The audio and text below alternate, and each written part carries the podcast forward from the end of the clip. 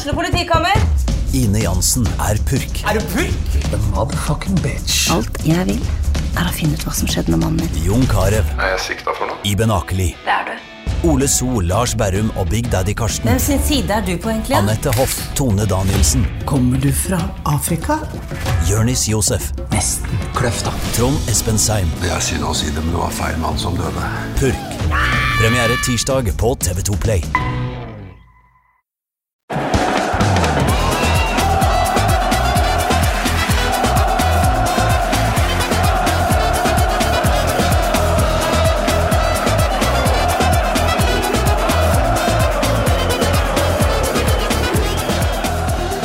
Hjertelig velkommen til ukas andre episode av eh, Pyro og Pivo. Mitt navn er Morten Galaasen, og i dag skal jeg gjennomgå og spå eh, innspurten i topp og bunn av årets eliteserie sammen med oraklet Petter Bø Tosterud. Velkommen tilbake. Takk, takk. Altfor lenge siden sist. Ja, det er en stund siden sist. Jeg husker faktisk ikke hva jeg var med på sist, uh, sist, sist her. Vi har, jo, vi har jo vært innom uh, ganske mange forskjellige temaer i hele din lange Pyro Pivo-tid.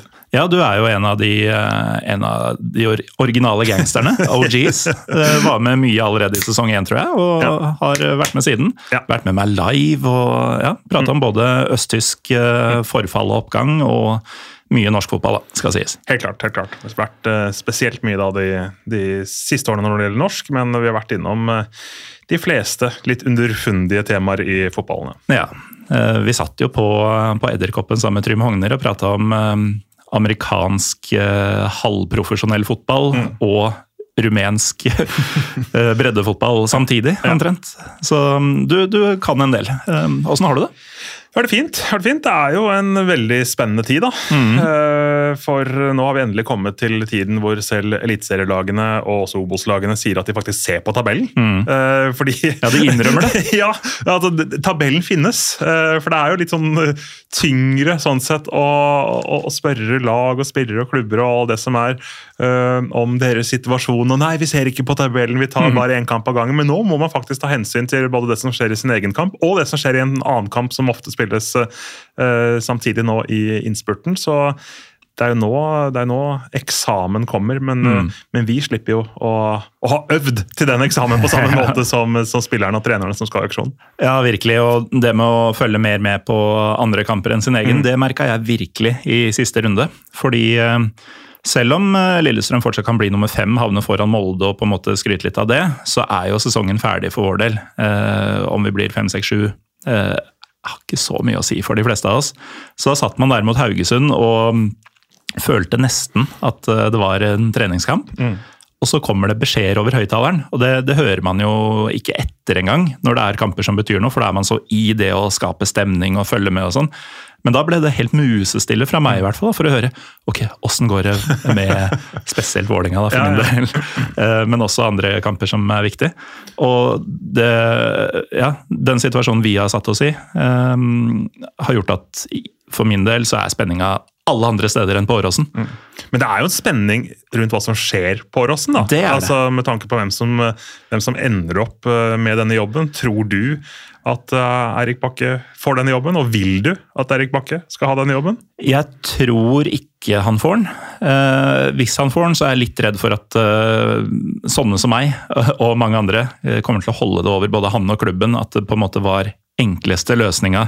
Sånn, da slipper man å sondere og leite og spørre nye folk og den type ting. Eh, og at man alltid vil ha en slags følelse av at dette var minste motstands vei. da. Eh, han har jo, uh, som uh, LSK-podkasten Harde mottak har vært innom flere ganger, han har jo fått en dårlig hånd. Altså Han overtok et lag som var langt ifra like konkurransedyktig som det Geir Bakke forlot i sommer. eh, Etter at man solgte og mista både Magnus Knutsen, Akor Adams og flere. Vetle Dragsnes. Så han tok jo egentlig over et lag med mandatet om å egentlig eh, helst slå eh, Rosenborg og Vålerenga. Prøv å angripe den topp fire-gjengen, men jeg tror vel de færreste egentlig forventa det. Eh, og akkurat dette har han jo gjort, eh, men jeg sitter med en følelse av at Eirik Bakke, som jeg har kjemperespekt for, eh, både hva han har gjort og hvordan han har løst det og hvordan han har framstått, eh, jeg tror ikke han er den kapasiteten som klubben trenger nå for å ta det ekstra steget som jeg trodde og håpa før denne sesongen at man skulle ta. det. Jeg hadde jo LSK på medaljeplass foran sesongen. Mm. Jeg var også det, Mm. på tredjeplass. Eh, og så er jo herrens veier uransakelige, som man sier. Men ja. så uransakelige og så usaklige som de skulle være i juli, den, eh, den var ny for meg.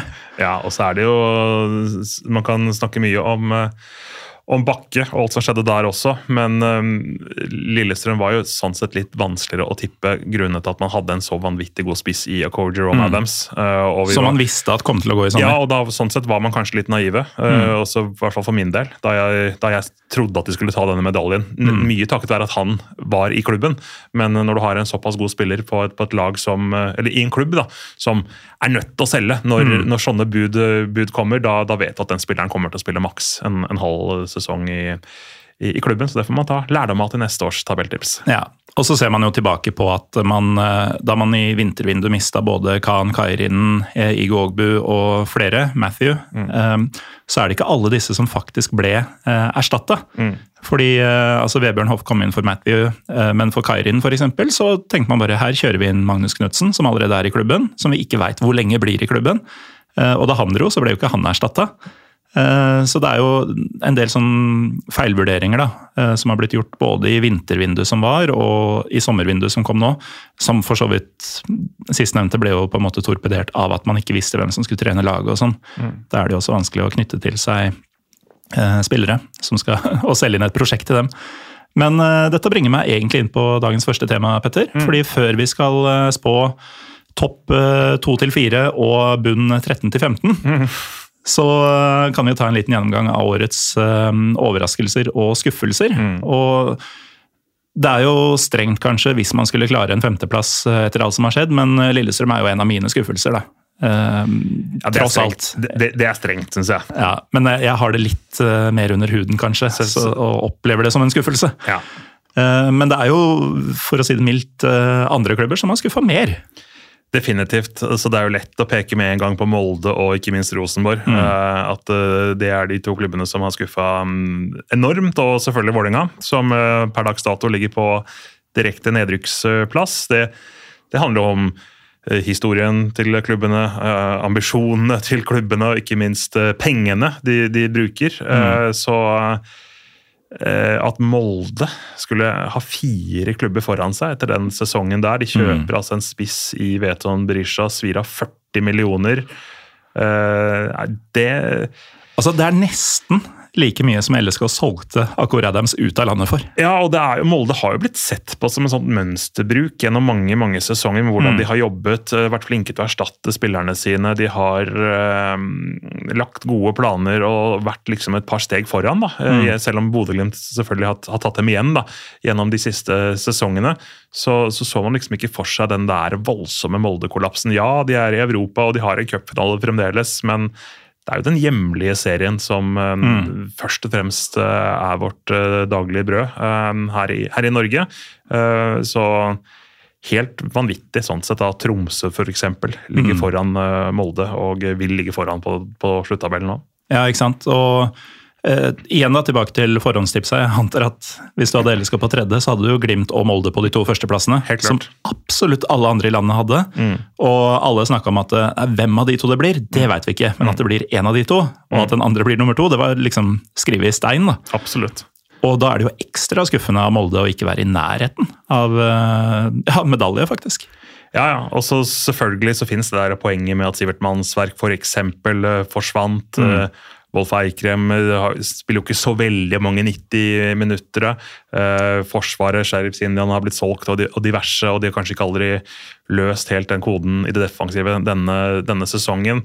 Karlstrøm har vært eh, lenge skada nå på tampen av sesongen også, så det er jo det er jo ting som gjør at um, de har fått litt vanskeligere forutsetninger på de tingene der, men, men likevel, da, med, med den troppen de har, sånn, så har de stort sett vært rusta for at sånne ting som egentlig alle klubber får i løpet av en sesong. Alle klubber får jo at spissen sin er ute, eller at uh, vingen er uh, ute, eller at det er noe røde og gule kort som, som gjør at de ikke kan stille ditt, ditt beste lag, og det, det pleier Molde og, og tåle på en mye bedre måte enn de har gjort i år. Ja, og i fjor, da de løp av gårde med mesterskapet, så hadde de jo også masse skadeplager. Ja. Det var jo aldri samme lag eh, to uker på rad, og i det hele tatt, det var eh, ekstremt imponerende, altså måten man vant på i det hele tatt, men hvis man husker tilbake til hvor mye de trøbla med å få folk på beina eh, egentlig hele sesongen i fjor, så, så blir jo den unnskyldninga litt mindre gyldig i år, da.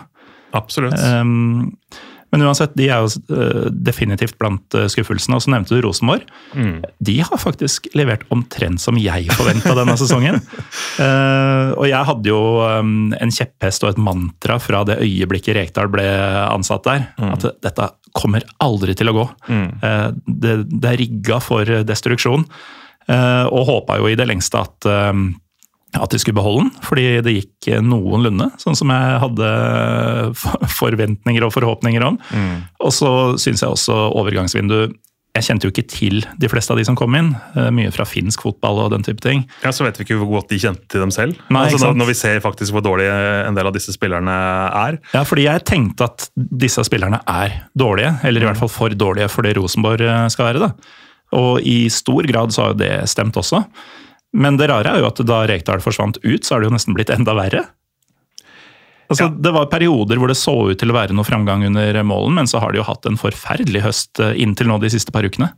Ja, så skjønner jeg sånn sett for den spillergruppa at det er vanskelig å bare snu på ting når han vikaren eh, som har luska gangene der, kommer, eh, kommer inn og er usikker på om han har noe tillit i klubben, og, og om, han, om han er en reell kandidat til å ta over eller ikke.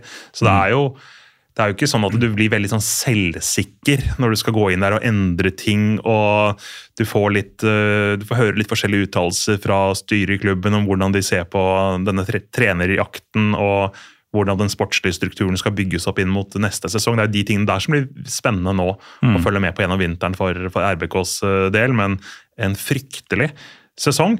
Og uansett hvem som, hvem som eh, skal ta dette laget neste sesong, så, så er det ikke noe quick fix. Nei, det er mye som gjøres. Eh, Det, det er så mange mangler rundt det laget.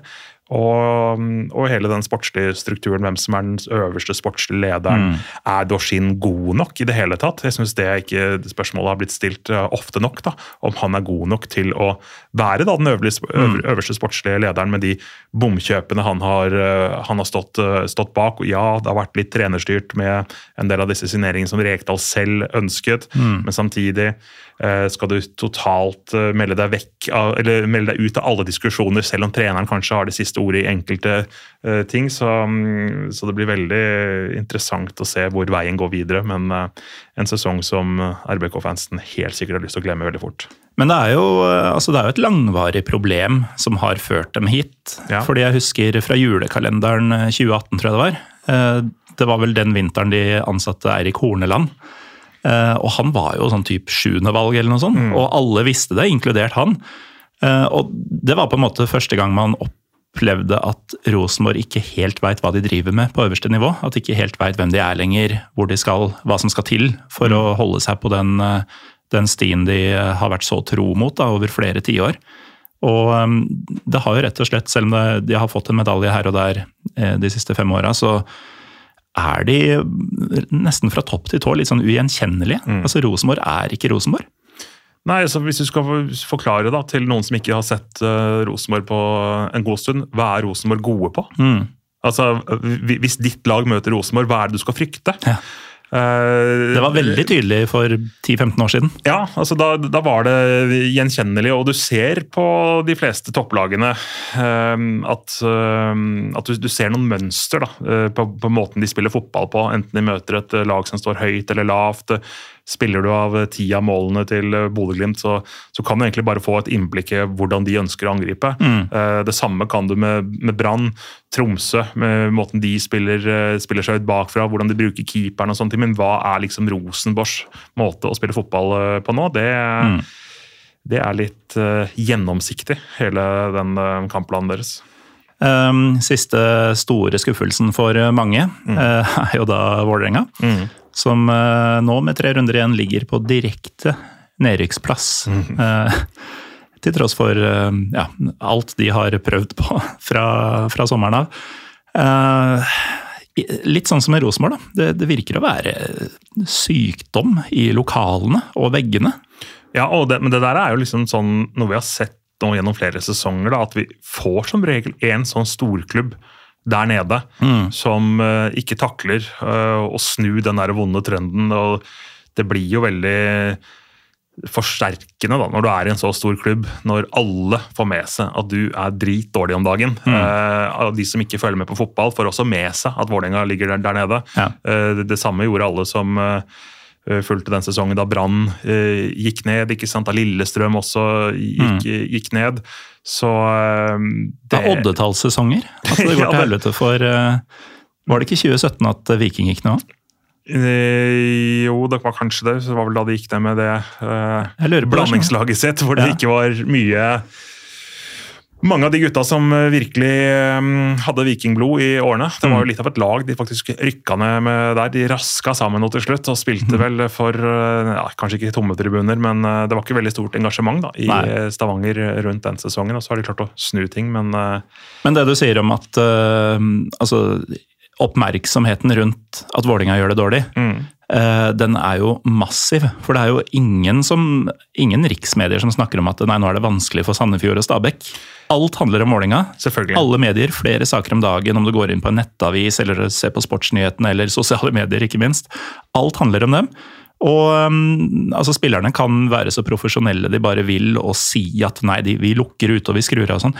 Du får jo ikke lukka ut alt. Nei, Det siver jo gjennom. Definitivt ikke. Og jeg var kommenterte Brann-Odd nå i helgen. Det som skapte mest jubel i første omgang mellom Brann og Odd, da var, det var da Spiker annonserte at Sarpsborg skåra mot, uh, mot Vålerenga. Eh, og da var det full jubel på, på Brann stadion. Det er den derre eh, skadefryden da, Ja. som, uh, som også selvfølgelig um, spillerne i Vålerenga og hele klubben får med seg. Og så må de bruke litt denne mentaliteten. Er det oss mot verden da, mot, eh, mot slutten av sesongen. Så får vi se om de kan reise seg og, og trekke litt eh, ut av den skyggen de, mm.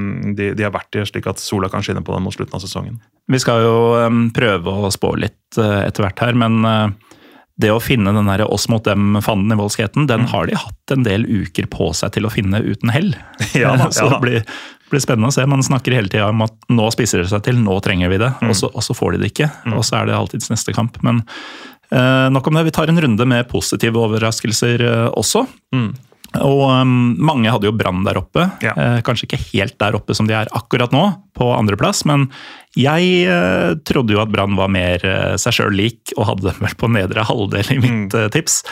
Brann er ekte vare, de. De er akkurat det folk trodde de skulle være, og vel så det. Ja, absolutt. Jeg var veldig spent uh, når vi så den fantastiske Obos-ligasesongen uh, i fjor. uh, og tenkte da er Obos-ligaen bare veldig svak, siden, de, siden de vant omtrent med henda på ryggen og bare dura på.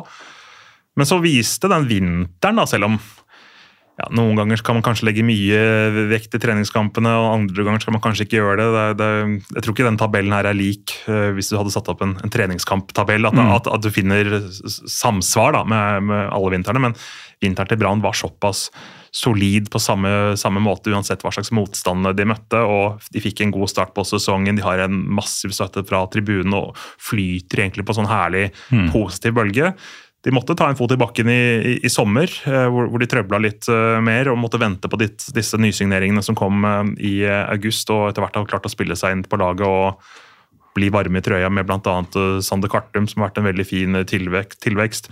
Ulrik Mathisen eh, var jo mye skada i starten av sesongen, men har kommet kjempegodt eh, i gang utover eh, denne høsten, som, som har gjort at de de har fått tettet noen av de hullene de sleit litt med i, i sommer, men en fantastisk sesong. De spiller også en veldig positiv fotball, syns, jeg. Ja. Eh, durer på framover. Og eh, det er et morsomt lag å, å se på. Eh, og det er også gøy med en type som, som Bård Finne, som, eh, som virkelig nå Bl.a. Har kommet inn i landslagstroppen, men, men, men det er jo gøy med disse lokale. Han var jo skjelt ut der for Mm. ti års tid siden, har vært litt rundt etter det, men uh, han er liksom tilgitt og er deres uh, helt nå, sammen med Aune Eggebø, som er innbytter òg. Ja, fordi uh, på sosiale medier så er det jo ganske utbredt å skrive Bård Fie med to stjerner i stedet for to ender. Ja. Og så kan folk tolke det som de vil. Ja. Det er jo faktisk Brann-supporterne som gjorde det først Ja. i sin tid. Så det at han på en måte har vunnet dem tilbake, er jo, er jo en fin historie i seg sjøl.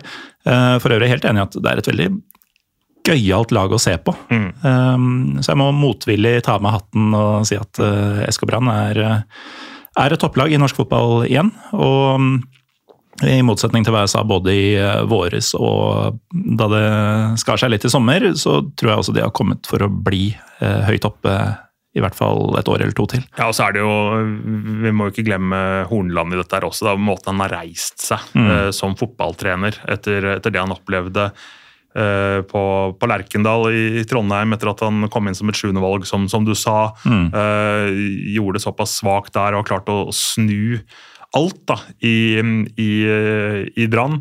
Fått med seg supporterne, eh, som også selvfølgelig også har spilt en veldig, veldig viktig rolle i dette her. Hvis de hadde vært negative eh, til, eh, til Brann og de valgene de måtte ta. For de har jo selvfølgelig måttet ta noen tøffe valg etter at de rykket ned, de også. Det er jo ikke sånn at eh, alle mm, kan gå til pulten sin eh, med ny sesong på kontoret heller. Det, det har jo vært utskiftinger i administrasjon og, og diverse, så Det var ikke bare Gukor herlig. Nei, og det gang. var nachspiel, og det var, ikke, det var ikke måte på eh, når det gjelder ting han faktisk har stått i. Og han har stått med rak rygg, og, og svart godt for seg, og eh, virkelig fortjener masse ros og anerkjennelse for den jobben han har gjort. Ja, så Det eneste som gjenstår for eh, Eirik Horneland for å bli holdt på å si, eh, en likende ordentlig god trener i norsk fotball, er å bytte ut de jævla solbrillene sine med noe som vanlige folk ville gått med. da. Ja, Fordi eh, han, Det er ikke afterski i juli i Bergen. Nei, det er sant. Um, rett bak Brann, i hvert fall enn så lenge, så finner vi den kanskje aller største positive overraskelsen. Kan stryke kanskje også, vel. Mm. Den aller største positive overraskelsen i norsk fotball 2023. Tromsø idrettslag. Hva i all verden er det som har skjedd der? De, altså jeg kan jo starte med at eh, de møtte jo Lillestrøm i cupkvartfinalen 2022. Ja. Eh, Det var vel i mars eller noe sånt.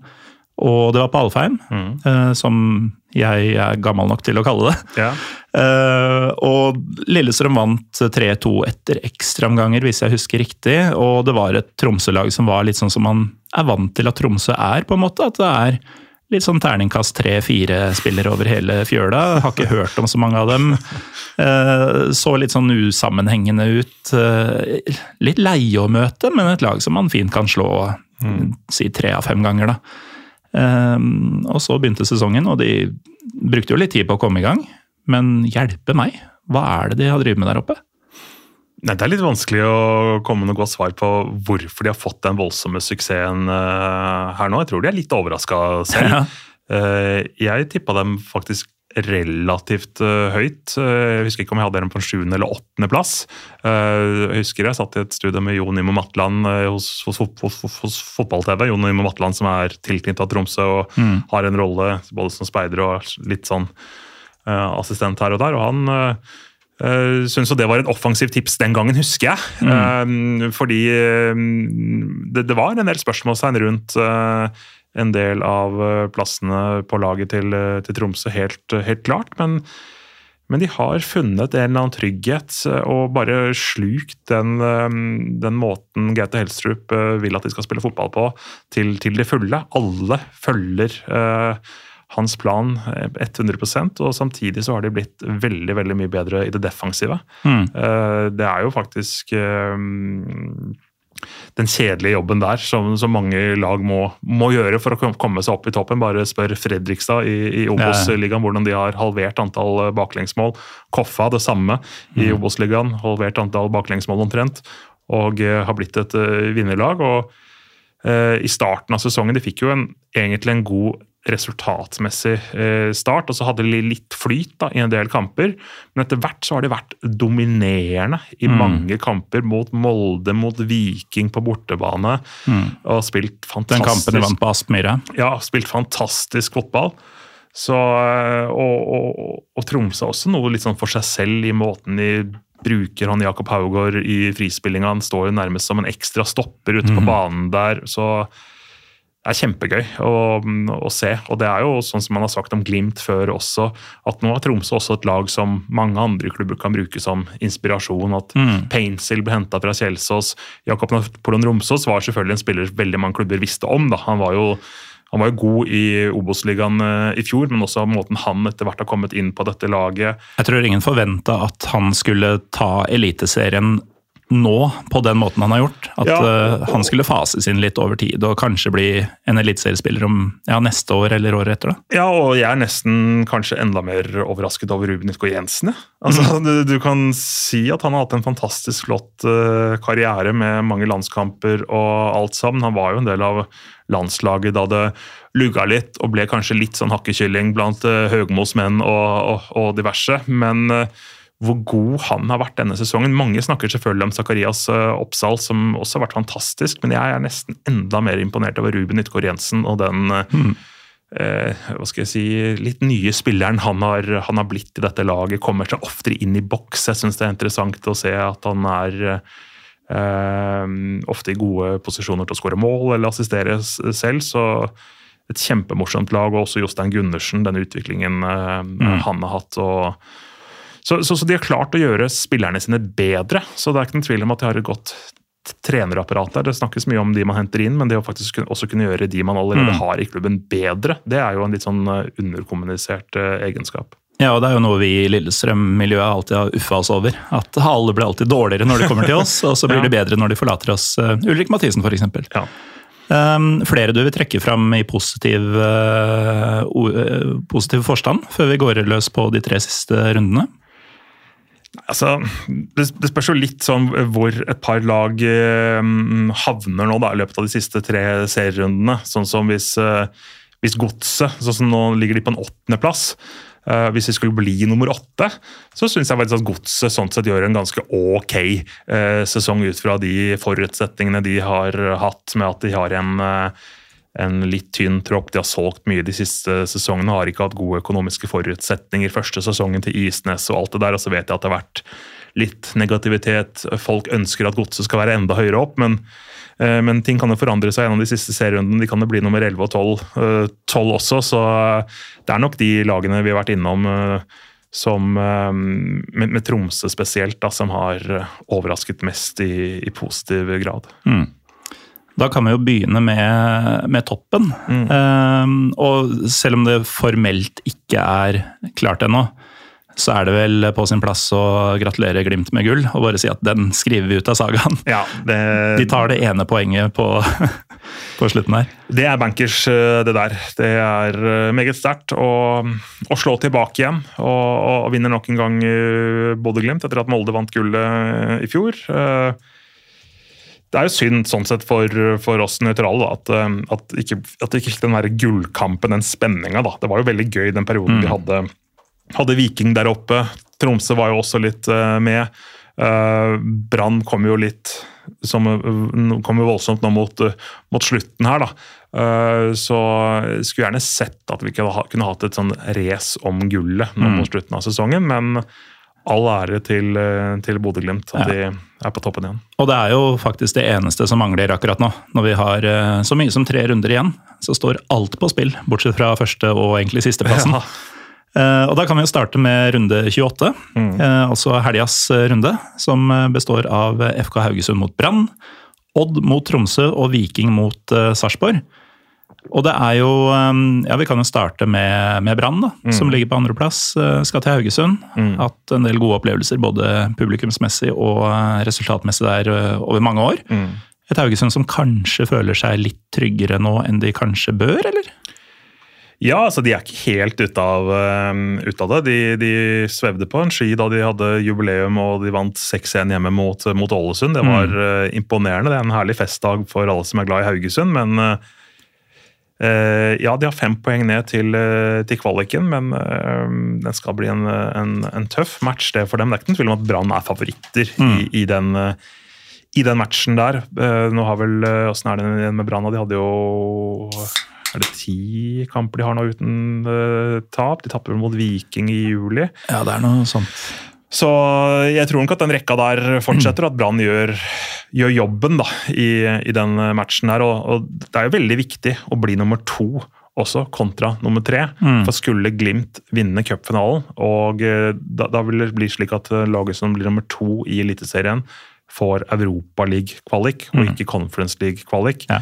Og det er også enorme forskjeller i uh, pengene, selvfølgelig, og mm. også de lagene man potensielt kan, kan, møte i et sånt eventyr. Ja, og Kommer man inn i Europaliga-kvalik og taper, så ja. får man en ny sjanse i conference-runden ja, etter. Det er helt sykt åssen det der, uh, mm. der, egentlig fungerer, syns jeg. da. Men akkurat Haugesund Man har jo på en måte skrevet dem ut av bunnstriden, i likhet med HamKam, som også har 30 poeng. men ingen av dem er helt uh, trygge ennå. Og akkurat Haugesund har jo faktisk uh, De har bare jokerkamper, For de møter Brann, uh, som har alt å spille for, Tromsø, som har alt å spille for, og Stabæk, mm. som har alt å spille for i de siste tre. Jeg tenker at Haugesund trenger ett poeng til. Jeg tror ingen av de i bånn Altså de um, på 14 og 15, da, som er de du vil unngå. Jeg tror mm. ingen av dem kommer over 30 når det kommer til stykket. Um, kan jo si at uh, Stabæk og Vålinga som det gjelder, har henholdsvis 25 og 24 akkurat nå. Mm. Så jeg tror ikke på sånn kjempeinnspurt av noen av dem. Men Haugesund bør ikke senke skuldra altfor mye mot Brann. Jeg tror, tror, det kan knipe et poeng ja, da, hvis, det, de, hvis de stiller opp. Det, det, det, kan jeg nok absolutt klare, selv om jeg fremdeles ser på Brann som favoritter. Mm. Men det er som du sier at det lønner seg å gjøre mesteparten av jobben eh, nå til, til helgen, eh, når man også har Stabæk i den, i den siste kampen. Da. Eh, så hvis, hvis, hvis Stabæk har heng da og potensielt kan, kan, gå forbi, så er det fælt å spille siste serierunde mhm. hjemme på Haugesunds stadion, altså 3.12. der, i, i blåsten. Og å vite at du ikke kan tape. Mm. Uh, for uh, Ja, for de fikk nok en litt sånn følelse med at ah, vi klarte det etter mm. den der Ålesund-matchen, men uh, ja, hvor mange poeng tar lagene bak der? Det er jo veldig mange innbyrdes oppgjør uh, også, som gjør at uh, det vil jo være vanskelig for de lagene bak der å plutselig ta ni poeng, f.eks. Mm. Tromsø på sin side de reiser til Skien nå til helga. Mm, den er vanskelig. Et uberegnelig Odd. Det, det, er det absolutt. og Odd var veldig svekka nå i helgen mot, mot Brann. Mangla seks av de gutta som har spilt uh, ganske så mye på, mm. på laget sitt. Eh, de har jo fremdeles Sondre Solholm Johansen ute med langtidsskade. Mugis, han nye spissen, ganeseren, har jo også vært skada, så han har, han har aldri fått i gang. Lennart Ovuso er jo tilbake på midtbanen nå, en av ligaens beste midtbanespillere som det ikke snakkes noen ting mm. om utenfor, utenfor Skien. Uh, han er tilbake etter karantene. Espen Ruud er tilbake etter karantene. Leon Hien er tilbake etter karantene nå. Så det der er en tøff kamp for, uh, for Tromsø. og selv om Odd i utgangspunktet ikke har noe særlig eller De har egentlig ingenting å spille for, men de Paco sier at de er offensive. Vi tenker, vi tenker fargerikt i svart-hvitt, eller hva han sier. for noe. Han bruker jo sånne litt håpløse metaforer av og til, ja. Paco. Så jeg syns ikke vi har sett noe tegn til at disse Odd-gutta føler at sesongen er ferdig. Nei. Selv om det er lite som ligger i potten. Så det der er en vanskelig um, oppgave. Og de har litt likheter i måten de spiller fotball på, de to, de to lagene der også. Ja, de har det. Um, og apropos uberegnelige motstandere. Uh, Viking på sin stadig nedadgående slump, de møter et Sarpsborg. Ja. Som også på en måte er ferdigspilt, men som godt kan komme styrka ut av nettopp det. Ja, altså Det der er den vanskeligste kampen å oddse på gjennom en full mm. sesong. Viking mot Sarpsborg. Ja. Eh, Viking har jo vært veldig svake den siste tiden, som alle vet. og Sarpsborg er et sånt lag som uh, kan uh, vinne 6-0 den ene runden og tape 4-1 den, neste, neste, runden. De, de svinger fælt. og uh, havner jo egentlig på tabellen der hvor eh, Sarpsborg stort sett havner, litt sånn rundt, eh, rundt, midten. Alle tipper dem kjempehøyt eh, på tabellen for hver eneste sesong, for man blir begeistra over en del av de importspillerne de henter, og at de har litt sånn krydder i, i, i laget. men de er liksom ikke helt der og, og kjemper om um, de aller viktigste tingene nå på tampen av sesongen. Nei, ikke sant. Um, og så, da. Uh, nest siste runde. Brann Bodø-Glimt. Den tror jeg Brann vinner. Rett og slett fordi Glimt på den tida er seriemester og fortsatt uh, har både cupfinale og ikke minst Europacup uh, å tenke på. Mm. Um, og i så fall så vil det langt på vei ikke sitte sikre, men sende sender Brann i retning et seriesølv som jeg tror de kommer til å ende opp med. Mm. Uh, samtidig så skal Tromsø ta imot eh, Haugesund. Mm. Den må de jo bare vinne, skal de ha heng. Eh, det tror jeg egentlig også de gjør. Ja. Uh, og den eh, siste matchen i den runden som er gjeldende her, er jo da Ålesund mot Viking. Ja, Hvis ikke Viking vinner den, Mm. da um, Ja, da må de stille seg en del spørsmål. Det må de. Ehm, som da betyr at uh, alle tre har hatt tatt um, tre pluss poeng i løpet av de to neste rundene, og det avgjøres da i siste med skal vi se, Godset Brann, um, Vålinga-Tromsø og uh, Viking Rosenborg. Ifølge mine kalkulasjoner, da, som er basert på uh, magefølelse og liten innsikt, så har jeg kommet fram til at Brann tar eh, 60 poeng. Altså fem eh, poeng eh, ut sesongen nå. Og det holder til andreplass. Eh, de to andre ender på 59 hver. Ja. For jeg tror Viking tar eh, et par seire på rappen her. Altså to av tre her. Um, og da er det i så fall målforskjellen som avgjør hvem av Tromsø og Viking som tar medalje. Spennende. Mhm. det, altså, det er jo alltid gøy å tippe så, sånn, sånn her, men det vi vet, er at i de siste kampene så får vi alltid noen sånn veldig overraskende eh, resultater. Det er noen av de lagene som, eh, som, som ikke har så mye å spille for, som eh, lufta har gått fullstendig altså Ballongen, ballongen er helt voff, ikke sant? Den, de, er, de er helt ferdige. Mens andre lag så så er det typer som eh, kanskje får frigjort litt energi. Ah, 'Endelig så slipper jeg å spille uten press. I dag skal jeg vise meg.'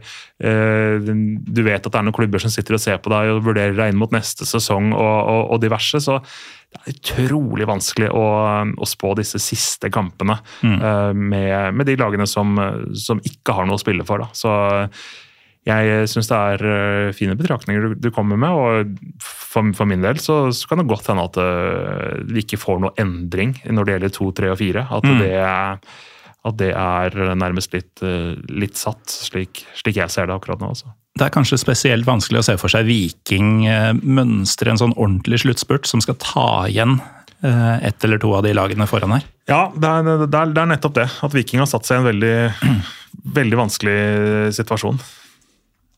Det har de virkelig, men eh, ikke like vanskelig som eh, Sandefjord, Stabæk og Vålinga har satt seg i. Nei, det kan du si. Eh, For i bånn er det jo kanskje enda mer eh, spennende for de som ikke Det som er greia med bånn, er at eh, det har så mye å si for lag som ikke er de klubbene. Altså for, eh, for meg som holder med verken Brann, Tromsø eller Viking, så er det litt sånn samme faen hvem som uh, blir nummer to, tre og fire. Eh, men i bånn så er det ganske mange som, uh, som mener meget om, om hvem som fortjener å bli, og hvem som man syns det er gøy at får bli og ikke får bli.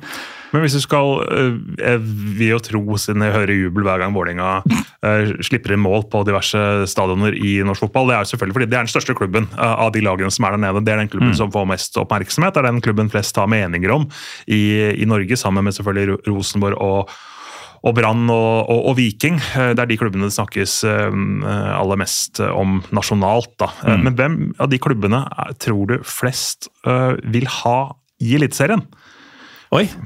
Det, jeg tror svaret på både hvilken klubb flest vil ha værende, og hvem flest vil ha ned. Jeg tror det er samme svar. Ja, Jeg tror det er Vålerenga begge to. Ja, ja, ja.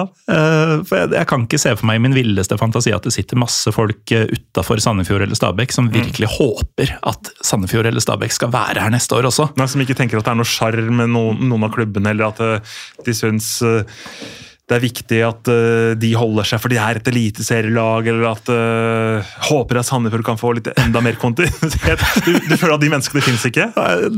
Du sleit litt med å holde maska da du sa det sjøl også. Nei, nei, nei. Altså, All ære til det de driver med i Sandefjord, eh, år etter år. At de fortsatt er i live og vel så det med tre runder igjen. Fordi hvert år så blir de jo tippa nord og ned. Hvert år mister de alle spillerne noen har hørt om.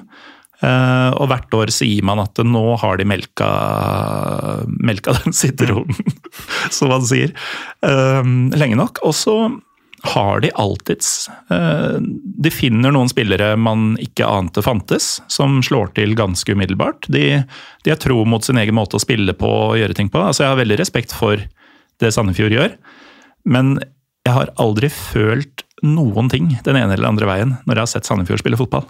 Så du, føler ikke at de er et viktig tilskudd til Eliteserien?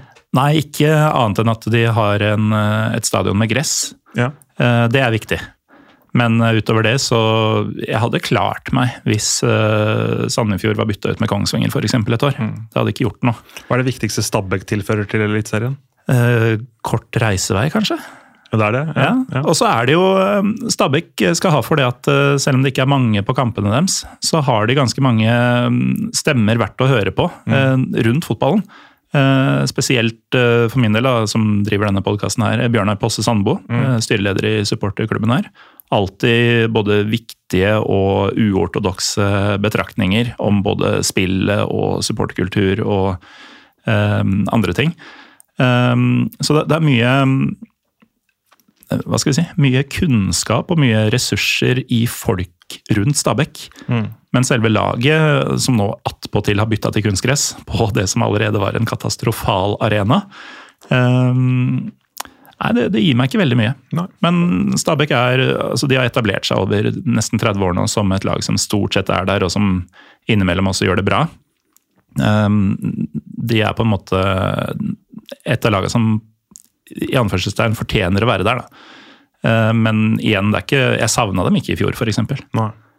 Um, Nei, De har jo ikke vært den fargeklatten uh, som, som, vi, som vi husker da, for, uh, for en god del år siden. Uh, selvfølgelig, Man husker jo jubelsesongene til Stabæk hvor de både tok gull og medaljer og, og det ene og det andre, men de har jo vært litt mindre fargerike de siste sesongene. og Det, det har jo også supporterne mm, snakket med klubben om. da, At Ja. man har hatt litt, litt møter og sånn, at man må finne litt tilbake til det å, det å faktisk være, være Stabæk igjen. da, Som den litt, eh, den litt uh, tåpelige drømmeren som den klubben Ja. har vært. Ja, for de har jo de har vært, de har skilt seg ut på mange måter Mm. i forskjellige perioder etter at de rykka opp på 90-tallet. Og de har jo alltid i det minste klart å irritere folk, da. Da de var nye Ja. og eh, spilte med altså Tommy Svindal Larsen, drakt nummer to, da de var nyopprykka, hadde TV 2-logoen Ja, ja, ja. uh, som tall. Eh, De hadde en grønn, et grønt erme på drakta fordi de ga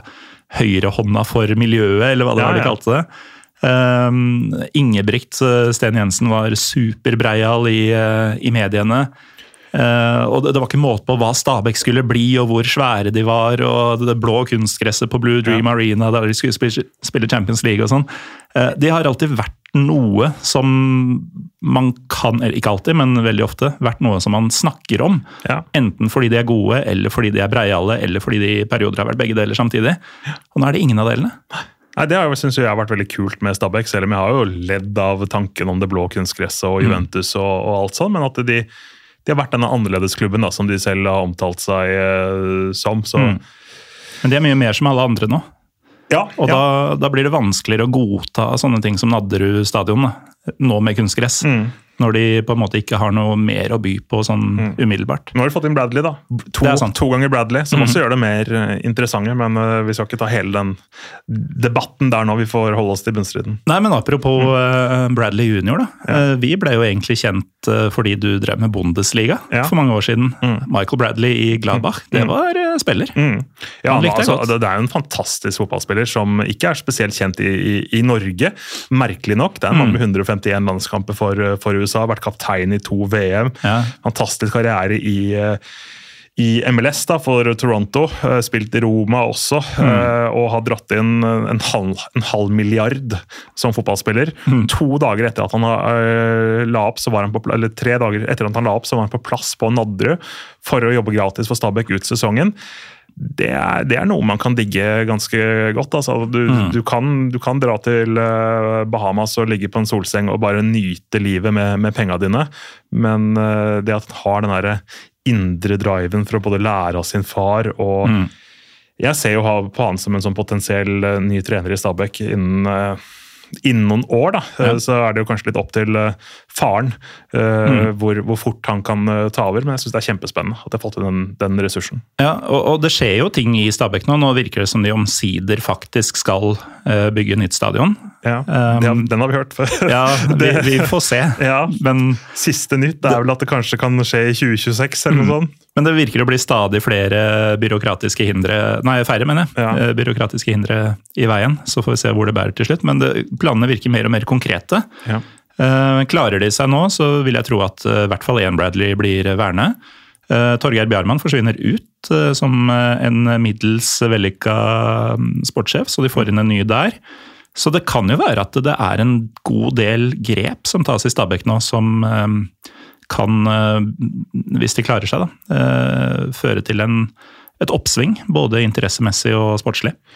Ja, men alt handler jo om å holde denne båten flytende til denne stadionen kommer. da, fordi Ja. at de har, de har et litt for dårlig inntektsgrunnlag utover det å ha de store spillersalgene. De solgte jo Gift Urban og, og Nusa, og de to kan jo innbringe Stabæk ekstremt viktige inntekter eh, med noen nye, altså videresalg av, av dem, men eh, De forventer jo å tjene mer på videresalget av Orban mm. enn de gjorde på selve salget. ja. Og eh, det er vel ikke de samme super, supertalentene i Stabæk som er på vei opp nå, som, som vi så for en del eh, års tid siden, så jeg tror de tror de må holde båten flytende til de får denne nye stadion på plass. og Det kan være, være tøft, eh, både sportslig og også det å holde engasjementet oppe, selv om det er en, en trofast kjerne som er på Nadderud. Og da starter jo alt på Intility nå Ja. til helga.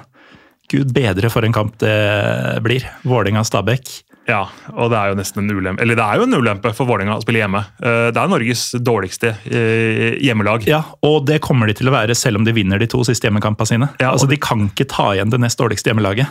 Så ræva har de vært eh, hjemme i år. Helt, Helt vanvittig. Det var vel noen statistikker som viste at de var omtrent det dårligste hjemmelaget i hele Europa. Nå ganske, ganske nylig, så um, en veldig veldig vanskelig kamp å, å spå det der. Det er ikke noen tvil om at det kommer til å bli en, en nøkkelkamp i, i bunnstriden, i og med at de er eh, tabellnaboer. Eh, Fordelen til Vålerenga kanskje er jo at de har denne spissen da, som, som leverer. altså Ilic, at han har vært så god, har vel skåra syv mål på, på, på ti kamper. og eh, det er nesten bare å få ballen og slått, forslått et presist innlegg inn mot han, så, så kommer han til å skåre mål. Men, men det forsvaret til Vålerenga, det, det, det ser tungt ut. Ja, og der har du jo uh, han som stadig får kritikk for å bli tatt ut av Ståle Solbakken. altså, det, det er så mange ting man kan ta Stefan Strandberg, Strandberg på, men at Ståle Solbakken liker deg som spiller, det er jo ikke din skyld. Nei, det, det, det er sant. Det, er en veldig spesiell greie, greie, det, det der, altså. Og, men det, er jo, vil jo være spesielt da, dersom vår, vår landslagskaptein neste sesong skal spille mot Egersund. Holdt på å si Kristelig forening for unge menn Oslo, men det skal vi Ja, ja, ikke i så nei, fall. Ikke sant? Han er ikke god nok til å spille divisjon med KFM. Det er jo surrealistisk, Ja, det er det. dersom det skulle, dersom det skulle skje, da. Men uh, dette med forsvar, det, det er litt merkelig, fordi um, det var jo en av de tinga som Geir Bakke fikk skikk på ganske fort i Lillestrøm, var jo å få til en defensiv, defensiv struktur. Um, man brukte ganske mye penger på denne Bitri uh, fra Albania. Han har jo tilsynelatende mista plassen på laget nå i det siste. Så det er jo um, Og nå, nå bytta man jo keeper foran forrige kamp. altså Det virker ikke helt som man tror helt på eh, altså Man har jo ikke satt den strukturen da, som, som kanskje trengs. Nei, altså de, de har jo utgangspunktet bytta ikke så veldig mye på laget før inn mot den forrige kampen, da, hvor de gjorde litt flere endringer. og tenkte, Han tenkte kanskje ok, vi må gjøre noe likevel, da. For øhm, øh, øh, men, men, så, men så snudde ikke ting da heller. Eh, Så det er klart at øh, de sitter nok og undres litt over hvordan de skal få løst denne avslutningen her på, en- mm. på en god måte. Eh, Poengsnittet er fryktelig. Eh, Ingenting har blitt bedre etter at eh, Bakke kom inn, kontra hvordan det var da Fagermo eh, var der. Men, men det er jo altså Hvis du ser på spillerne i, til hvis du skal si Sandefjord, Stabæk og Vålerenga, hvis du setter opp de tre elverne ved siden av hverandre, så ville du jo plukket flest av spillerne på Vålerenga-laget til Ja. din beste elver, for å si det sånn. da. Mm. Jeg syns jo Bjørdal, for eksempel, det tror jeg er en spiller som ville gjort det veldig godt i veldig mange andre eliteserieklubber. Det er en spiller jeg syns er god, men, eh, men han får det bare rett og slett eh, eh, ikke til. Elias Hagen startet jo godt i, borte mot Godset der og har hatt et par ok kamper, men han har ikke hatt evnen til å dominere og eie de kampene. Ser rett og slett eh, nesten litt sånn småsjenert ut mm. ut på banen når, når, det, når det lugger litt for, uh, for Vålerenga. Og så syns jeg Borchgrevink har vært veldig god for dem etter at han har kommet tilbake fra, fra skade, spesielt med disse innleggene. Han er jo best i det, i det offensive, men det er litt sånn det står og faller veldig mye på det defensive igjen. da. Oldrup mm. Jensen, stakkars, som må spille stopper der, har ikke farten.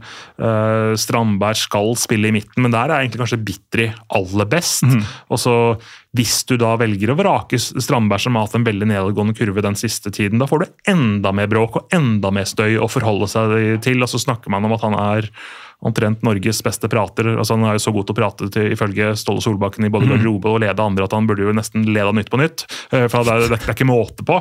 Eh, men, men det han gjør med seg sjæl og sin egen kropp og sånn, er jo ikke eh, på aller høyeste nivå. Så men det er, det, ja. Men den kampen her, altså Vålerenga-Stabæk, den tror jeg blir definerende mm. for uh, Vålerengas sjanser, rett og slett. Og så er det en knalltøff kamp etter det òg, de borte mot HamKam. Ja, to knalltøffe kamper etter det. Ja. Uh, og det er nettopp det at Nå har de fire tap på rad. De har denne forferdelige hjemmestatistikken. De vet at siste, uh, siste kamp også er hjemme, mm. mot et lag som kommer til å være supermotivert i kampen om sølv eller bronse, eller hva det nå er Tromsø er involvert i om et par uker. Ja. Dette er sjansen de har til å bryte trenden, mm. til å få på plass en godfølelse før de to kampene. Mm. Og vinner de ikke nå mot Stabæk, så kommer de til å ligge bak Stabæk, mm. selvfølgelig. Um, og de kommer til å ha enda uh, høyere skuldre når de kommer til et HamKam som uh, endelig fikk føle på en seier, som tror på seg sjøl igjen, og som har uh, holdt på å si, De har hørt nok ganger fra Vålinga at de er bønder og sånn. Mm. At det, der er det ikke noe vanskelig å hente motivasjon. Nei. Selv om man eventuelt skulle ha sikra seg ordentlig allerede da.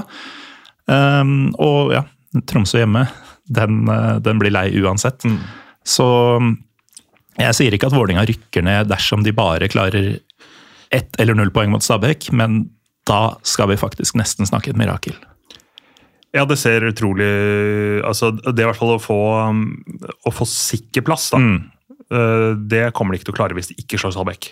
Det, det, tror jeg nesten vi kan, uh, kan, slå fast, for vi har jo Sandefjord med inn i, inn i miksen her også. Mm. Uh, og vi skal ta med det at Sandefjord de slo Ålesund nå på, på, mandag. Mm. og det var en kamp de måtte vinne, ja. og de klarte det. Og de fikk uh, pynta målforskjellen i slengen. Ja, og det var en svak førsteomgang fra Sandefjord-spillerne. Kanskje litt sånn preget av situasjonen. Ah, alle kommer til å le av oss hvis vi ikke slår eh, Ålesund, men så mm. hever de seg. Og Danilo Alsayed viser hvilken fantastisk fotballspiller han, uh, han er. Og de, de, kommer inn i denne situasjonen her, Sandefjord, uh, med en sånn følelse med at alle forventa at vi skulle være der. Mm. Dette er vi vant til. Vi var i kvalik mot Kongsvinger i, i fjor. Dette er på en måte det nærmest Sandefjord-spillerne er ansatt for. Mm. Altså være der nede. Ja. Dette er noe helt nytt for uh, Vålerenga-spillerne. Ja, og samme kan du si om Stabæk. Ja. De har jo Men de er nyopprykka, da. Mm. Men, men, problemet til Stabæk er at de fikk en for god start. Mm. Slik at Å ja, shit! Å ja, vi er nyopprykka, vi skal være her nede i møkka, ja. Altså, uh, hadde, hadde, den sesongen til Stabæk vært litt sånn motsatt, så, så, tror jeg ikke man hadde tenkt at Stabæk hadde gjort en så møkk dårlig sesong Nei. som det ser ut til å bli. Der var det jo de fleste tippa nok Stabæk på at de skulle klare seg i Eliteserien med ganske god margin. Jeg tippa dem altfor høyt opp. Husker ikke om jeg hadde dem rundt en uh, tiendeplass eller et eller annet sånt noe. Niende hadde jeg. Ja, Noe sånt var nok de, de fleste mm. tippa. Og så er det jo mye som har skjedd i Stabæk med både langtidsskadet på Kasper Høeg, som er deres beste fotballspiller, og, og diverse som har gjort at mm. ting har vært vanskelig.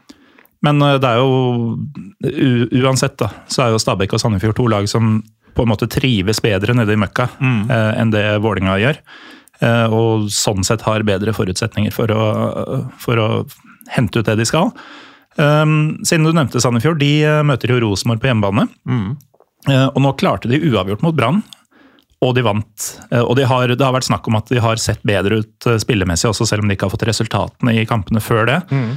det er jo en litt sånn morsom uh, mulighet for dem her. Fordi det Rosenborg-laget her, det er ikke gitt at de uh, uh, kjører over Sandefjord i Sandefjord nå, for å si det sånn. Nei, det er ingenting som tyder på at Rosenborg skal kjøre over Sandefjord. Det, det, det, det skjønner jeg ingenting eh, av. Og så Ole Sæter er ute resten av sesongen etter det røde kortet han eh, pådro seg fra, fra, benken. og Det er jo på en måte mannen som har gått litt sånn foran i det offensive for, eh, mm. for Rosenborg i de kampene det har kladda litt. Han har liksom stått ut som en, som en god fotballspiller, da, syns jeg. Mm. Uh, og uh, uten han og med måten Rosenborg ser ut, selv om de fikk sikkert en energiboost etter den opplevelsen eh, de hadde mot, mot Molde, mm. som var en helt vill uh, fotballkamp. Så, så, sitter nok Sandefjord nå med uh, sin beste mulighet noen gang til å faktisk kunne slå Rosenborg hjemme da på, på Jotun Arena. For mm. de har vel, så vidt jeg husker, ikke slått dem på den stadion der. Nei. Jeg mener å huske det. Altså, Hver gang man snakker om Sandefjord og Rosenborg for min del, så husker jeg en cupkamp, uh, Olav Sanetti-kampen, ja. på Lerkendal, da de vel vant 5-2. Ja, 4 uh, eller 5-2, ja. Men det er jo noe sånn 2006 eller noe sånt. Ja, jo, folk var jo ikke født engang av de som hører på. Um, ja, så jeg også føler at Sandefjord har i hvert fall sjanse på poeng her, mm. og kanskje til og med tre. Um, før de da skal til Nadderud og møte et Stabæk som um, enten har fått en god uh, opplevelse på Intility, eller stresser som faen. Hva sa du nå, hvilket lag? Uh, Stabæk. Stabæk, ja. Stabæk-Sandefjord i nest siste runde. Ja, og den ja, den nå skal jeg gi kjedelig svar. Den ser jeg på som et helt åpen No shit! åpen kamp her, for den, Hvem er det som skal vinne den, da? Jeg hadde det motsatte oppgjøret, kommenterte den. Mm. Sandefjord-Stabæk. Da Stabæk ble frarøvet uh, et mål, etter mitt syn, da, på, på overtid i en, en, kamp. Det var den, det. Uh, hvor det var et cornermål. Mm. Litt kaos i boksen, så plutselig kom uh, VAR inn i bildet, og mm. man studerte en situasjon. og egentlig Veldig få av lagene skjønte hvorfor skåringen ble annullert. og Så mm. viste det seg at det var en Sandefjord-spiller som var litt aktiv og involvert i ja, Nei, det, jeg nei Stabæk-spiller som var litt involvert ja, i spillet. Fryktelig situasjon. Men øh, ja, hvem, hvem, er favoritter i den matchen der, da? Jeg tror nesten øh, det ikke går an å snakke om den matchen før man har sett kommende runde. Ja, ja, og, det, og det, det, Hvordan skal vi da spå kampen etter det, da, sånn som du har lagt opp, lagt opp dette her? Men, ja, men, For Sandefjords del så er det veldig lett å spå kampen etter det, for det er Lillestrøm i i Sandefjord. Og um, Vår gode venn Trym Hogner var ute og meldte litt uh, i en TV 2-sak i forrige uke ja. om at de, de LSK-spillerne som prøver å vinne den kampen, de er ikke velkomne tilbake til Romerike. Men det sa han nok, uh, slik jeg kjenner Trym, med litt glimt i øyet. og Han er jo glad i å melde litt. Og, ja, ja. og det er klart uh, jeg, jeg, klarer ikke se det for meg at det er noen spillere som, uh, som, bevisst spiller dårligere fordi at et annet lag i divisjonen skal, uh, skal rykke ned. Og du, hvis uh, for Lillestrøm-spillernes del så mister jo de da sesongens to kuleste kamper. Ja, det har også vært seks poeng denne, eh, denne sesongen for, for LSK, men, mm. Eh, men, det er jo det LSK-spillerne og Vålerenga-spillerne ser etter når terminlista kommer. Når skal vi spille sesongens kuleste kamp? Når skal venner og familie som ikke bryr seg om fotball, komme på kamp og se meg spille, liksom? Mm. Uh, så, så den, den, den kjøper jeg ikke, faktisk. Nei da, vi, vi, får se. Men det var litt gøy, fordi Trym fikk jo masse pepper på, på Twitter etter det. Ja. Og det var da hovedsakelig fra Vålerenga-supportere, if you can believe it, som ja. ikke helt skjønte at uh, dette var sagt med glimt i øyet. Oh, ja. Så han ble beskyldt for å oppfordre til kampfiksing. Ja, det, var, det, var, altså så humørløst. og spesielt en fyr på Twitter som bare kaller seg Egon Olsen. Oi. Han var veldig sånn, og jeg skulle tro at av alle på hele Twitter som kunne sette pris på en god sånn kampfiksingsscheme, mm. ville jo være Egon Olsen. Ja, ja, ja. Men Egon vet du, han liker å høsle litt. Men hva sa Kjell og Benny da? De har ikke meldt seg inn ennå. Okay. Eh, men uansett, eh, det var Sandefjords matcher. Som sagt, Stabæk tar da imot Sandefjord i nest siste runde.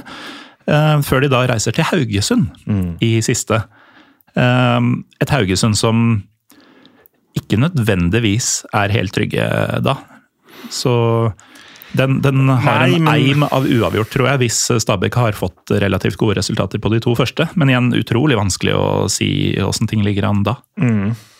Ja, altså den, den, er veldig avhengig av hvordan det har gått da, mellom Stabæk og, og, og Vålerenga. Liksom. Hvis, mm. hvis Stabæk har slått Vålerenga uh, allerede og har tatt ja. uh, poengene sine, hvis Haugesund ikke har vunnet noen av sine to kamper, så kan jo da Stabæk med seier i den siste kampen passere eh, Haugesund. Men da Ja. vet vi jo ikke da hvordan det har gått med de andre lagene eh, liksom, for ja. å få hele dette puslespillet sammen. Men, men det er selvfølgelig mye som skal gå gærent for, for Haugesund. eh, Men, men de har et tøft program, så det er ikke sikkert det er avgjort, som vi var inne på. Nei, altså, jeg tror fortsatt dette ene poenget kan behøves. Ja. Um, så er det da Vålerenga. Etter Stabæk så drar de til Briskeby, som vi var inne på. Også et HamKam som også ligger på 30 poeng eh, nå. Um, kommer ikke til å ha problemer med å motivere seg, men kan uh, på det tidspunktet ha veldig lave skuldre samtidig. Det er ikke det Vålinga trenger hvis de ikke har fått et resultat mot Stabæk. altså. Nei, og, og som du var inne på, så, så tror jeg HamKam og Briskeby-banden og alle som er på plass der, vil kjenne på motivasjon når det gjelder det å klå Alle hockeysupporterne fra Hamar. Ja, vil kjenne på det motivasjonen på det å klå Vålerenga. Altså, det, er et, det er et fælt lag, eh, lag å møte, uh, HamKam, når Vålerenga er i den situasjonen eh, de er i. men eh, men eh, selvfølgelig, det er bedre for Vålerenga å møte HamKam enn Glimt. Altså, vi skal ikke, altså, det, kunne vært, det kunne vært verre. Den er jo verre på papiret, den siste kampen mot Tromsø. Ja. Og mest sannsynlig så vil den kampen bety alt for Vålerenga. Mm. Nesten uavhengig av åssen disse første her har gått. Fordi eh, jeg tror både Sandefjord og Stabæk tar noen poeng på de to neste rundene.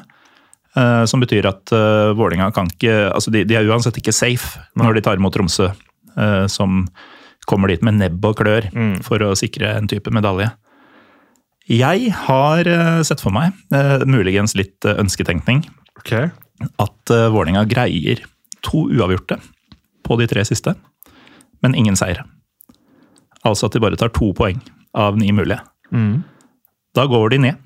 For eh, både Sandefjord og Stabæk tar flere, ifølge mine kalkulasjoner. Henholdsvis eh, fire og fem. Eh, uten at jeg skal si nøyaktig hvor poengene kommer. Men uh, jeg syns det bare ser generelt mer fordelaktig ut for Stabæk og Sandefjord. Uh, både kampprogrammet og selvfølgelig, som vi har vært inne på, den mentale situasjonen de er i. Har du noen klare formeninger om hvem du ser for deg hvem, hvem har størst sjanse for å unngå kvalik og nedrykk av disse tre? Altså, men det er, alt avhenger som, eh, så mye av den Vålerenga-Stabæk-kampen. Eh, nå har jeg sagt det tre ganger, eh, Ja, det jo- tror jeg. Fordi at det, Det sant. det vil påvirke kamp to og tre eh, i den rekka her så ekstremt, liksom. Så hvis jeg hadde visst liksom, første del av ligningen, så kunne jeg gitt et mye bedre, bedre svar på hva jeg faktisk, eh, faktisk tror. Eh, altså jeg tippa jo for så vidt Sandefjord på kvalik før, eh, før sesongen. Og jeg tror kanskje at det vil være tilfellet, i og med at Stabæk og Vålerenga møtes. Og at vinneren der eh, kan potensielt bli tørre på beina. Men at Vålerenga skal slå Tromsø for eksempel, i siste serierunde, jeg klarer ikke å argumentere for at det skal kunne skje. Eh, og deres poengfangst Jeg ser kanskje for meg at de kan maksimalt ta fire poeng Mm. på de siste kampene. Maksimalt vinne mot Stabæk og ta et poeng mot HamKam. Jeg ser ikke at de tar mer poeng enn poeng enn det. Da er vi bare på 28, Ja. og det betyr at uh, dersom HamKam, nei, Stabæk og Sandefjord vinner én av sine tre siste hver, så er de likt på poeng alle tre. Mm. Og da har fortsatt Sandefjord og Stabæk tilsynelatende enklere motstandere i siste. Mm. Så Nei, det, det blir så utrolig spennende. Ja, det blir helt, helt vanvittig, faktisk.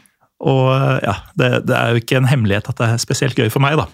At det er akkurat sånn her det ser ut nå. Nei, men jeg tror alle syns uh, altså nå, tenker jeg ikke på hvilke lag som er der nede, men jeg tror alle supportere og de som er interessert i fotball, syns det er sykt spennende å følge med på et nedrykksdrama. Det er jo mye morsommere det enn å følge med på hvem som tar sølv, bronse og Altså, vi har sølv og bronse i Norge, det er jo helt latterlig i utgangspunktet, men uh, hvem som tar europacupplassene Det er jo liv eller død. Ja. Det er brutalt. Det er spillere som, som eh, går ned kraftig i lønn. Det er spillere som kan få en helt annen hverdag. Det er folk som mister jobbene sine. Ja. Og det er folk som drar på seg psykiske problemer altså etter, etter, etter, etter sånne kamper som, som det de skal igjennom. Det er en ekstrem mental belastning å være en del av, men du verden så underholdende det er å sitte og se på. Altså For min del, eh, i 2019, eh, siste serierunde, så endte jo Lillestrøm på jeg lurer på om det var tre eller fire laget, som endte på 30 Ja. poeng. Og LSK fikk da kvalikplassen. Og jeg husker en del av meg var letta over at det ikke ble direkte nedrykk den dagen. Og kvaliken, det var jo selvfølgelig to ekstra kamper og flere uker med uvisshet og nerver, men det var i hvert fall Dette kunne vi få til. Eh, og jeg tror nok, når jeg veit hva som skulle skje seinere, at eh, jeg ville foretrekke å gå direkte ned. Ja. ja, for det ble liksom en sånn lang, seig død. Ja, eh, av det aller seigeste slaget, må jo være lov å si. Eh, det er, jeg antar at folk husker hva som skjedde. Ja. Eh, men det jeg prøver å si, er at eh, om jeg hadde vært ja, hvem som helst av disse, men siden Vålinga på en måte er den sammenlignbare klubben med vår situasjon den gang eh, Jeg ville ikke jubla hemningsløst på Intility hvis jeg var uh, Vålinga-fan over å få 14.-plassen i siste runde. Nei. For faenskapet har bare begynt. Ja, det, det, vi har jo denne kvaliken eh, som, som, Som kom- for øvrig- som kommer også. Igjen har blitt til hjemme- og bortekamp Mm. i finalen. Mm. Så det er nytt hvert år, det. Ja, det har vært snakket mye om denne skjebneuka, som, eh, som det har vært eh, snakk om, hvor det skal spilles én kamp, eh, og sånn som det var under pandemiens eh, tid og diverse. Jeg liker jo den formen som det alltid har vært, hjemme og borte. enig. eh, Og at som sagt, det gir best eh, forutsetninger eh, Mm. for, å, for å skape sånn, For å skape det der draget mot norsk fotball litt over lengre tid òg. At Ja. ikke ting bare er over på løpet av eh, to timer, og at det også gjør at det er litt mindre tilfeldigheter som spiller inn, i og med at det er Mm. såpass mye som står på spill. Ja. Jeg er helt enig. Det blir eh, altså en utrolig eh, spennende innspurt eh, for de involverte i toppen, og for resten av kongeriket i bånn, må det Ja. vel være lov å si. Hva er det du gleder deg mest til fremover, framover, Petter? Jeg gleder meg til dette. Jeg gleder meg til å se også hvordan Obos-ligaen eh, skal avgjøres. Går Mm. Jerv ned, f.eks., eller blir det Åsane, eller hvem, hvem blir det? Hvem får disse kvalikplassene? Spenning også i annendivisjon. Mm. Er det Lyn som går opp, eller er det. Egersund som går opp? En vanvittig eh, dramatisk lørdag skal det være uh, i, i annendivisjon. Så det er, det er egentlig den, den beste tiden, men samtidig også litt, litt verste, verste tiden, for du vet at nå er det snart over. nå går vi inn i tida uh, med norsk fotball, uh, hvor vi rett og slett bare skal eh, spekulere rundt hva som skal skje, uten at det faktisk skjer viktige ting Ja. på banen. Nei, det, blir, eh, det blir voldsomt eh, de neste ukene. Eh, Tusen takk, Petter Bøe Tosterud, for at du var med i dag. Bare hyggelig. hyggelig. Tusen takk til deg som hører på. Hvis du liker å høre på dette her, og har disposable income, som man sier i amerikanske serier, så har vi en Patrion som det går an å støtte uten å få noe som helst tilbake. Det må jeg bare påpeke. Det er i så fall patrion.com slash pyropivopod. Pyropivopod er også brukernavnet vårt på Twitter og Instagram hvis du vil følge oss der. Mitt navn er Morten Gallosen. Vi er tilbake neste uke.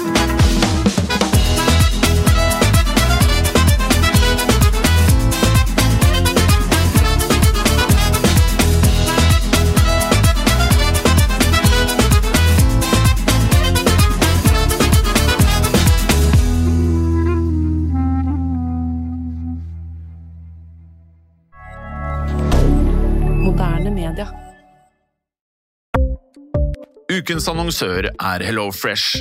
HelloFresh er verdens ledende matkasseleverandør og kan være redningen i en travel hverdag.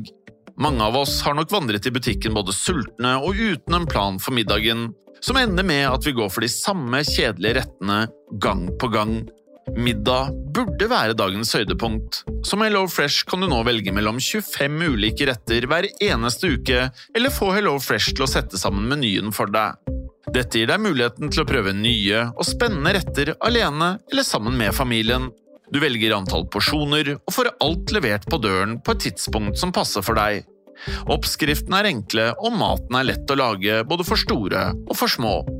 Ved å få alt levert hjem får du også mer tid til å dele matgleden med familie og venner. Kanskje det frister med asiatiske tacos eller greskinspirert kylling? Da kan jeg anbefale deg om å gå inn på hellofresh.no. Her kan du bruke koden FOTBALL og få opptil 1779 kroner i rabatt på de første fem matkastene hvis du ikke har prøvd HelloFresh tidligere. Du kan også bruke rabatten hvis du har vært kunde og stoppet abonnementet ditt for tolv måneder siden eller lengre. Gå inn på hellofresh.no og bruk koden FOTBALL. Har du et enkeltpersonforetak eller en liten bedrift? Da er du sikkert lei av å høre meg snakke om hvor enkelt det er med kvitteringer og bilag i fiken, så vi eh, gir oss her, vi. Fordi vi liker enkelt. Fiken superenkelt regnskap.